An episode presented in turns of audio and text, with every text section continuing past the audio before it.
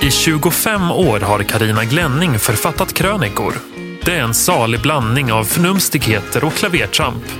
I podden Glennings gliringar läser Karina en handfull av dessa per avsnitt. Mycket nöje! Tjena, tjena! Välkommen till avsnitt 41 av Glennings gliringar.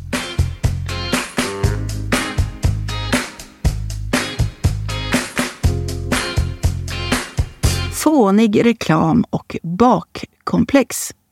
Baka, baka liten kaka, rulla, rulla liten bulla, skjuts in i ugnen. En sockerbagare här bor i staden, han bakar kakor mest hela dagen. Om man ska tro antalet barnramsor om bakning så skattas det ämnet som ett av de viktigaste i en människas liv. Tv-programmen och tidningsartiklarna om bakning ska vi inte tala om. Det skrivs mer om bakning än om klimatkrisen. Tycker jag alltså. Men det är för att jag noterar alla artiklar om bakning på ett närmast perverst vis.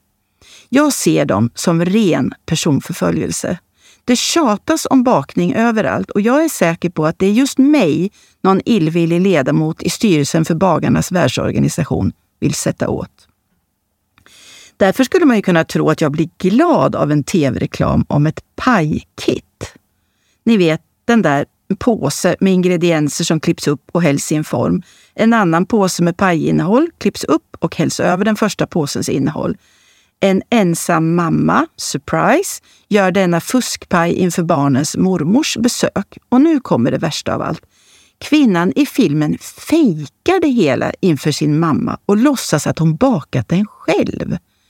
Mormor tycker att fuskpajen är jättegod och vill ha receptet, varpå hennes dotter mumlar något i stil med att det kan vi ta sen. Om jag hade en så taskig relation till min morsa att jag inte ens vågade stå för att jag inte har bakat, då skulle jag avstå från att fika med henne. Det kanske inte alls är meningen att man ska sitta och analysera tv-reklam på det här viset, men vad är det underliggande budskapet? Jo, att man eventuellt kan betraktas som en sämre människa om man köper halvfabrikatspaj än om man gör den själv från grunden och att detta tilltag därför är något man bör mörka. Mormodern, uppvuxen i en tid då fuskpajer inte var uppfunna, skulle kanske tycka att hennes dotter var sämre än hon själv. Men sensmoralen är Mormodern har i så fall fel, för en halvfabrikatpaj kan visst vara lika god som en hemlagad och därtill bli tagen för en.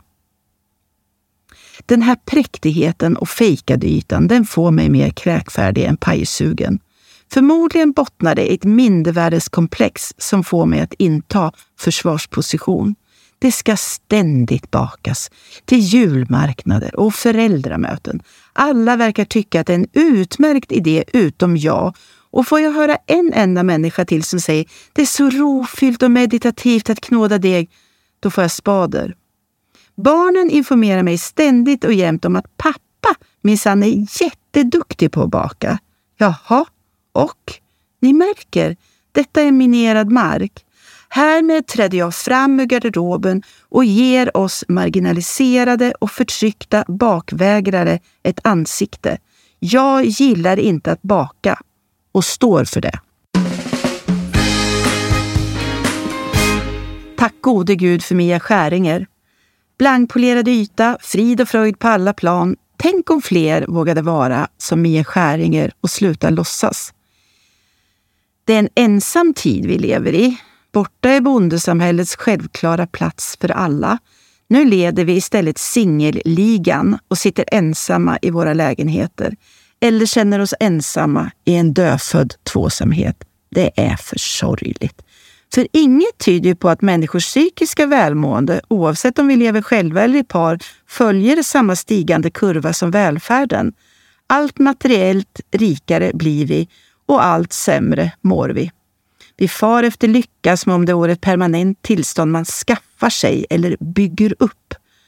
Men lycka är ju en sekundsnabb känsla som kommer över en oförhappandes. Däremellan är livet en berg och dalbana kantad av oväntade höjdpunkter, livskriser som nästan tar kål på en, glädjefnatt och tristess. I kölvattnet av vår otillräcklighetskänsla och brist på välmående produceras en oändlig mängd självhjälpsböcker fulla med självklarheter av typen Lita till din magkänsla, ge dig själv egen tid, lär dig att säga nej. Därtill talar coacher om hur vi ska uppfostra barn, skapa perfekt hem, detoxa kroppen, göra karriär, uppnå inre harmoni, hitta den optimala livspartnern, aktieplacera. Ja, jag är också där med mina förnumstiga råd när jag tänker efter. Vem är jag att döma? Ja, men mycket tid och pengar sparar den som struntar i allt det där och går och lyssnar på mer skäringar istället. Det gjorde jag i fredags och nu är jag fulltankad med kraft för att tackla tillvaron. Som hon sa, alla andra är inte så jävla lyckade som de försöker signalera. Följ ditt hjärta, bestäm vem du själv vill vara och var den. Själv blottar hon sin avklädda kropp. Fin och lite lös i konturerna som de ser ut efter två havandeskap och sin uppväxt med en pappa som söp. Hon blottar stygnen i hjärtat efter ett havererat livsprojekt, det med barnens pappa. Hon blottar sina brister som mamma och berättar att hon aldrig varit ens i närheten av att lyckas lägga det där söndertuggade som kallas livspusslet. För livet är ju inte ett pussel som man ska få att gå jämnt upp. Om man nu prompt måste se sin stund på jorden som ett spel så föredrar jag att betrakta det som ett felkonstruerat sudoku.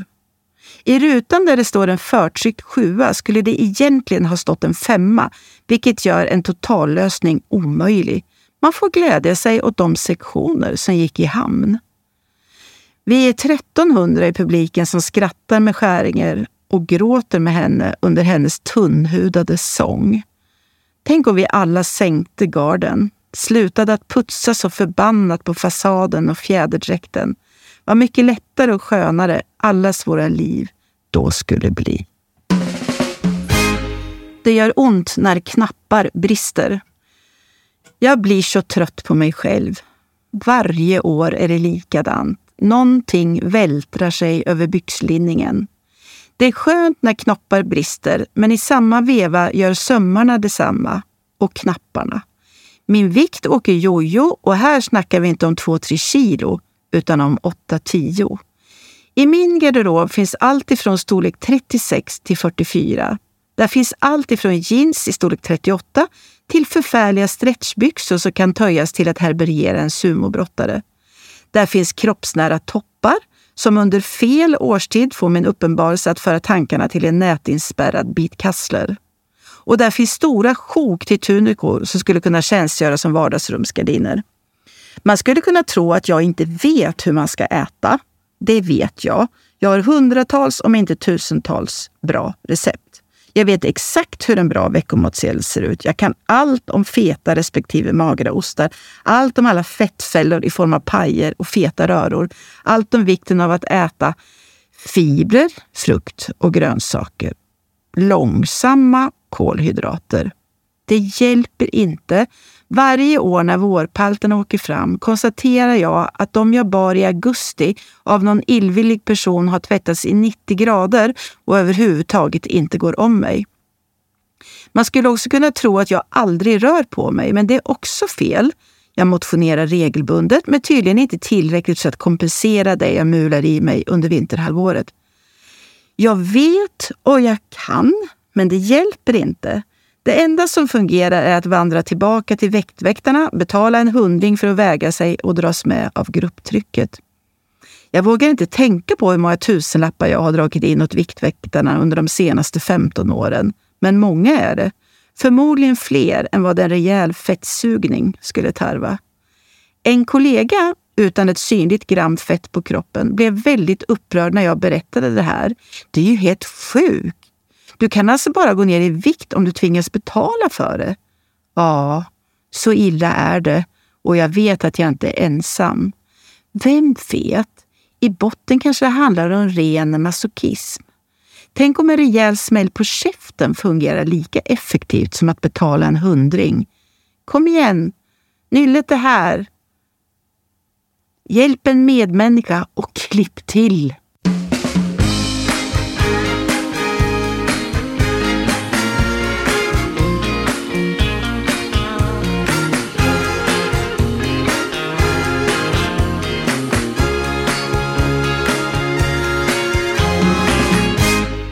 Lynchad av grannarna. Här har jag gått och trott att min grannkärlek är besvarad. Ack vad fel jag haft. Det framkom på ett smärtsamt sätt på en blöt grillfest i somras. Ofta har jag skrivit väldigt snällt om mina grannar här i spalten. Och någonstans har jag väl gått och trott att de gillar mig också lite grann, eller åtminstone inte avskyr mig. Men så blev det grillfest på stranden i somras och den slutade hos professorn och hans fru, sommargäster som bor nära mig. Ni vet hur det är. I takt med stigande promillehalt ökar lusten till sanningsenliga bekännelser. Det börjar försiktigt med att närmsta grannen Johan erkände att han slutat samla upp gräset när han klippt sin stora tomt med åkgräsklipparen eftersom jag ju ändå inte gör det. Och varför ska han göra sig till med sin trädgård när min ändå ser så skräpig ut?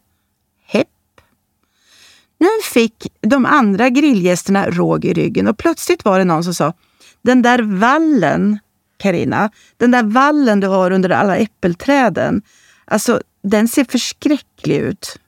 Det ser väldigt skräpigt ut. Ja, den skämmer, spädde en annan granne på. Jag fick klart för mig att vallen som jag varken klipper eller slår var ett irritationsmoment bland grannarna. I alla fall bland sommargästerna. Professorn som kvällen till ära bjöd på den fulaste men godaste hembakta kaka världen skådat, såg att min underläpp började darra och sa tröstande Bjud in till slottefest nästa år så fixar vi det där tillsammans.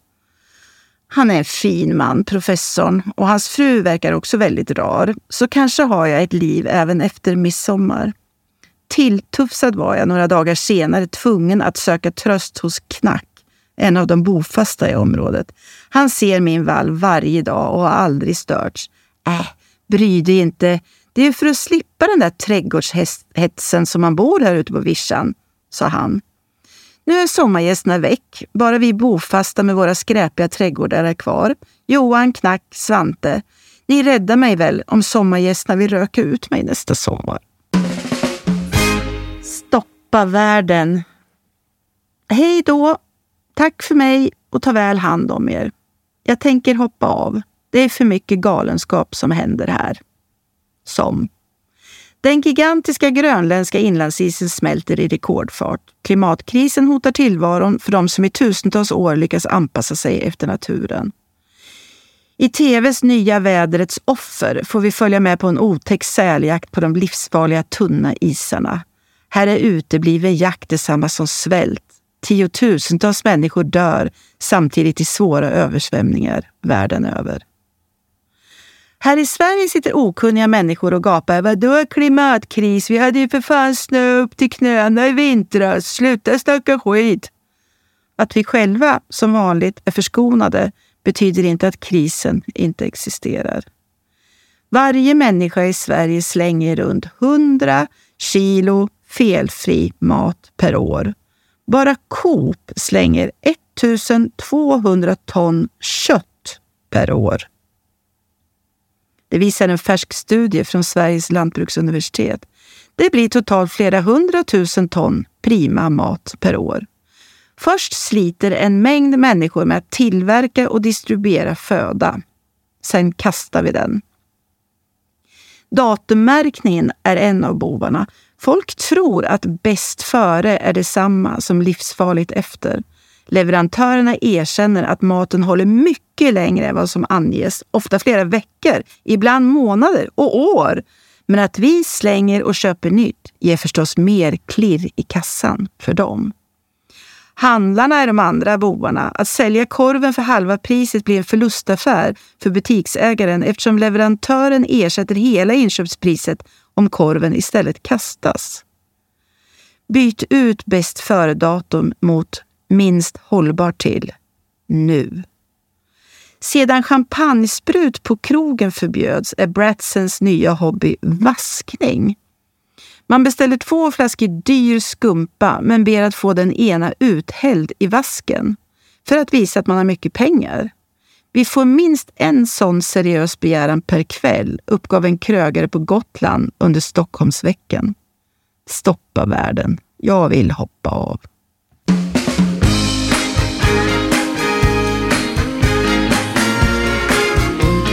Du har lyssnat på Glennings gliringar. Ansvarig utgivare, Christer Kustvik.